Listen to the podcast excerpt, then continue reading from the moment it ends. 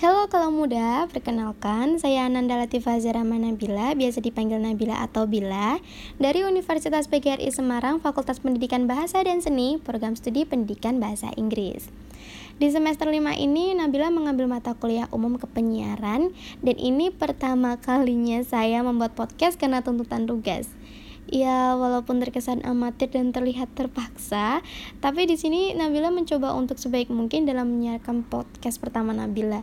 Karena bagaimanapun juga ini salah satu kesempatan emas untuk melatih public speaking Nabila.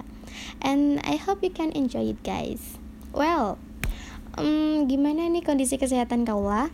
Nabila harap sih kaula semua tetap sehat sentosa serta mulia ya karena musim pancaroba seperti sekarang ini kita nggak tahu nih kapan hujan bakal turun. Bisa jadi pagi ini cuacanya cerah panas terus sorenya hujan. Maka dari itu kita mau tidak mau harus siap sedia perlengkapan agar kita nggak jatuh sakit. Jujur li kondisi Nabila saat ini agak kurang baik. Um, ini hidung udah mulai meler-meler tapi ya hmm, oke okay lah nggak apa-apa. Paling dikasih teh hangat juga bisa sudah sembuh apa pun penyakitnya tetap teh hangat jawabannya oke kembali ke topik aja Selain siap sedia menghadapi musim demi kesehatan, kita juga perlu nih mengatur hal-hal lain yang nantinya nggak bikin kita salah perhitungan, kemudian jadi overwhelmed, stress, dan amit-amitnya sampai kita jadi satu sakit. Pasti kaulah muda semua nggak mau kan hal ini terjadi. Nah, dari banyaknya hal-hal itu tadi Nabila akan membahas salah satunya aja yaitu mengatur produktivitas keseharian kita. Menurut Kawula apa sih arti dari produktif itu? Apakah kita yang harus selalu melakukan sesuatu di saat lagi senggang, tapi sebenarnya itu nggak terlalu penting untuk dilakuin? Atau kita melakukan kegiatan sesuai porsi di sela-sela kesibukan, tapi kita lupa untuk mengistirahatkan badan kita? Nah, baik ungkapan pertama maupun ungkapan kedua, menurut Nabila nggak ada satupun yang benar. Karena produktif itu bukan seberapa banyak aktivitas yang kita lakukan, tapi seberapa banyak uh, pencapaian atau target yang udah kita capai. Melakukan sesuatu yang bukan jadi prioritas kita, itu nggak akan membuat kita puas dan secara otomatis kita nggak memberi waktu untuk mengistirahatkan badan kita Pasti selalu ada pertanyaan seperti ini di benak. Habis ini mau ngapain lagi ya? Terus ada juga, nah yang ini udah kelar nih. Habis ini mau ngerjain apa lagi ya?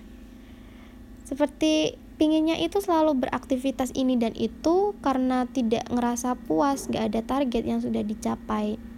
Nah, supaya aktivitas sehari-hari kaula bisa jadi lebih produktif, Nabila akan bagi-bagi tipsnya nih dan jujur lagi di sini Nabila tuh juga termasuknya punya jadwal yang padat banget karena di sini karena di semester 5 ini udah mulai banyak banget kan kegiatannya di kampus mulai dari magang, PKL, terus ada juga kegiatan kelas presentasi-presentasi dan masih banyak lainnya.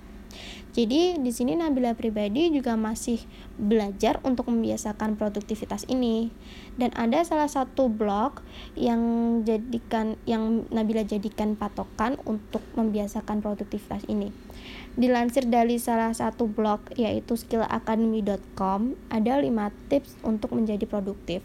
Yang pertama, buat to-do list pekerjaan.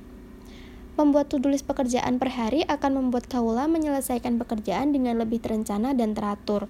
Tanpa membuat to-do list, kaula juga akan menjadi bingung pekerjaan mana nih yang harus kaula kerjakan lebih dulu di hari ini.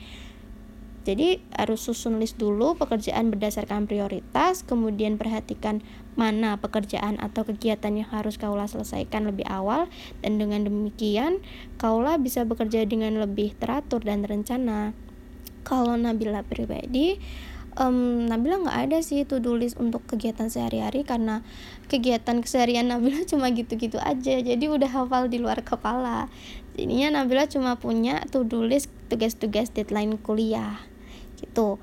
Uh, Nabila list dari yang paling atas itu deadline yang paling dekat ke yang deadline ke bawah itu yang paling jauh Nah, kalau tugasnya sudah Nabila selesaikan, itu biasanya Kak Nabila kasih tanda seperti dilingkarin di nomornya gitu. Kalau yang belum ya udah Nabila biarin aja dan segera cari waktu kapan mau diselesain gitu. Kemudian tips yang kedua atur tenggat waktu Kaula harus mengatur tenggat waktu dari to-do list yang sudah Kaula buat. Dengan begitu, Kaula akan lebih fokus dan menghindari distraksi. Kalau Kaula tidak mengatur tenggat waktu, pekerjaan akan jadi ngaret dan uh, waktu tuh terbuang sia-sia gitu aja gitu loh. Nah, kalau Nabila sih buat waktunya kayak gini. Nabila kan juga kerja ya dari jam 4 pagi eh dari jam 9 pagi sampai jam 4 sore dari hari Senin sampai hari Jumat Nah, jadi di sela-sela pekerjaan Nabila tuh selalu nyempetin ngerjain tugas-tugas Nabila di kantor. Kalau semisal uh, Nabila belum dapat tugas dari atasan, Nabila tuh selalu sempetin ngerjain tugas kuliah gitu loh. Jadi kerja sistemnya seperti nyicil sedikit-sedikit tapi setiap hari harus ada yang dikerjain. Karena kalau nggak gitu tugas lainnya bakalan datang dan numpuk. Dan kalau udah numpuk gitu ngelihatnya aja sudah males apalagi mau dikerjain. Pasti kaula udah tahu gimana rasanya kayak gini kan. Eh rasanya kayak gitu kan gimana? Pasti males banget dan kemudian uh, tips selanjutnya itu ada istirahat. Setiap manusia di dunia ini itu pasti membutuhkan istirahat ya kan?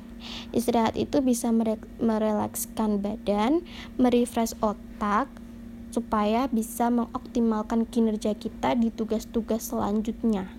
Dan kaula itu bisa menerapkan rules um, triple twenty dari Kemenkes untuk menghindari computer vision syndrome dengan melakukan istirahat setiap 20 menit sekali dengan memandang objek yang berjarak 20 kaki atau berjarak 6 meter selama 20 detik.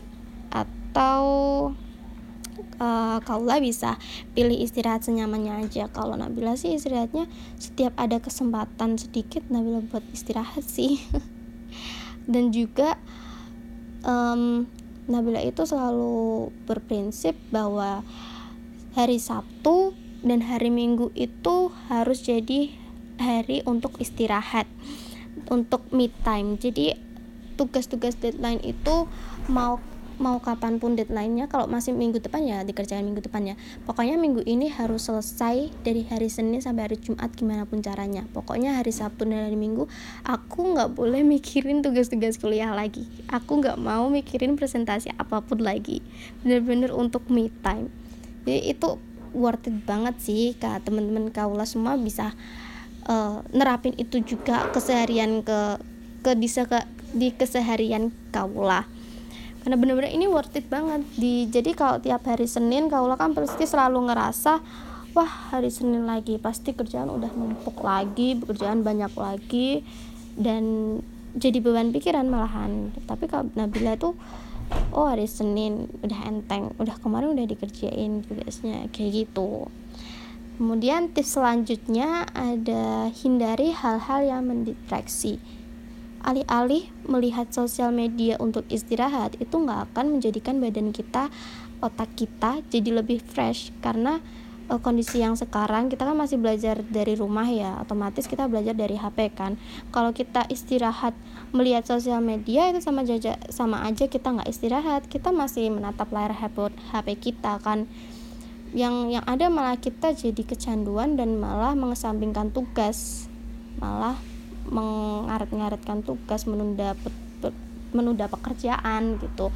Dan ini bad habit banget dan jangan sampai kaula itu terkunci di bad habit itu. Karena kalau sudah terkunci susah banget lepasnya. Nabila pernah ada di posisi itu dan bener-bener ngerasa ini tuh susah banget keluarnya. Kayak candu banget gitu loh main buka Instagram scroll scroll TikTok nge-tweet nge-tweet di Twitter gitu kan enak banget kalau buat keluar tuh susah banget. Jadi kaulah harus sebisa, sebisa mungkin mengurang-ngurangin hal itu. Hal-hal yang mendistract kalian itu harus dikurang-kurangin untuk bisa lebih fokus menjadi lebih produktif lagi gitu. Kemudian kalau uh, Nabila sendiri sih media sosial yang masih dibuka cuma satu ya uh, cuma insta cuma dua Instagram dan WA um, WA untuk komunikasi kalau Instagram ya untuk cari informasi dan hiburan aja sih sebisa mungkin Nabila nggak buka aplikasi lain karena ya kembali seperti awal tadi Nabila nggak mau mendistract eh, nggak uh, mau ke distract uh, dengan aplikasi-aplikasi lain yang nantinya akan mengganggu produktivitas Nabila. Kemudian uh, tips terakhir um, yang nomor 5 ini ya, hindari multitasking.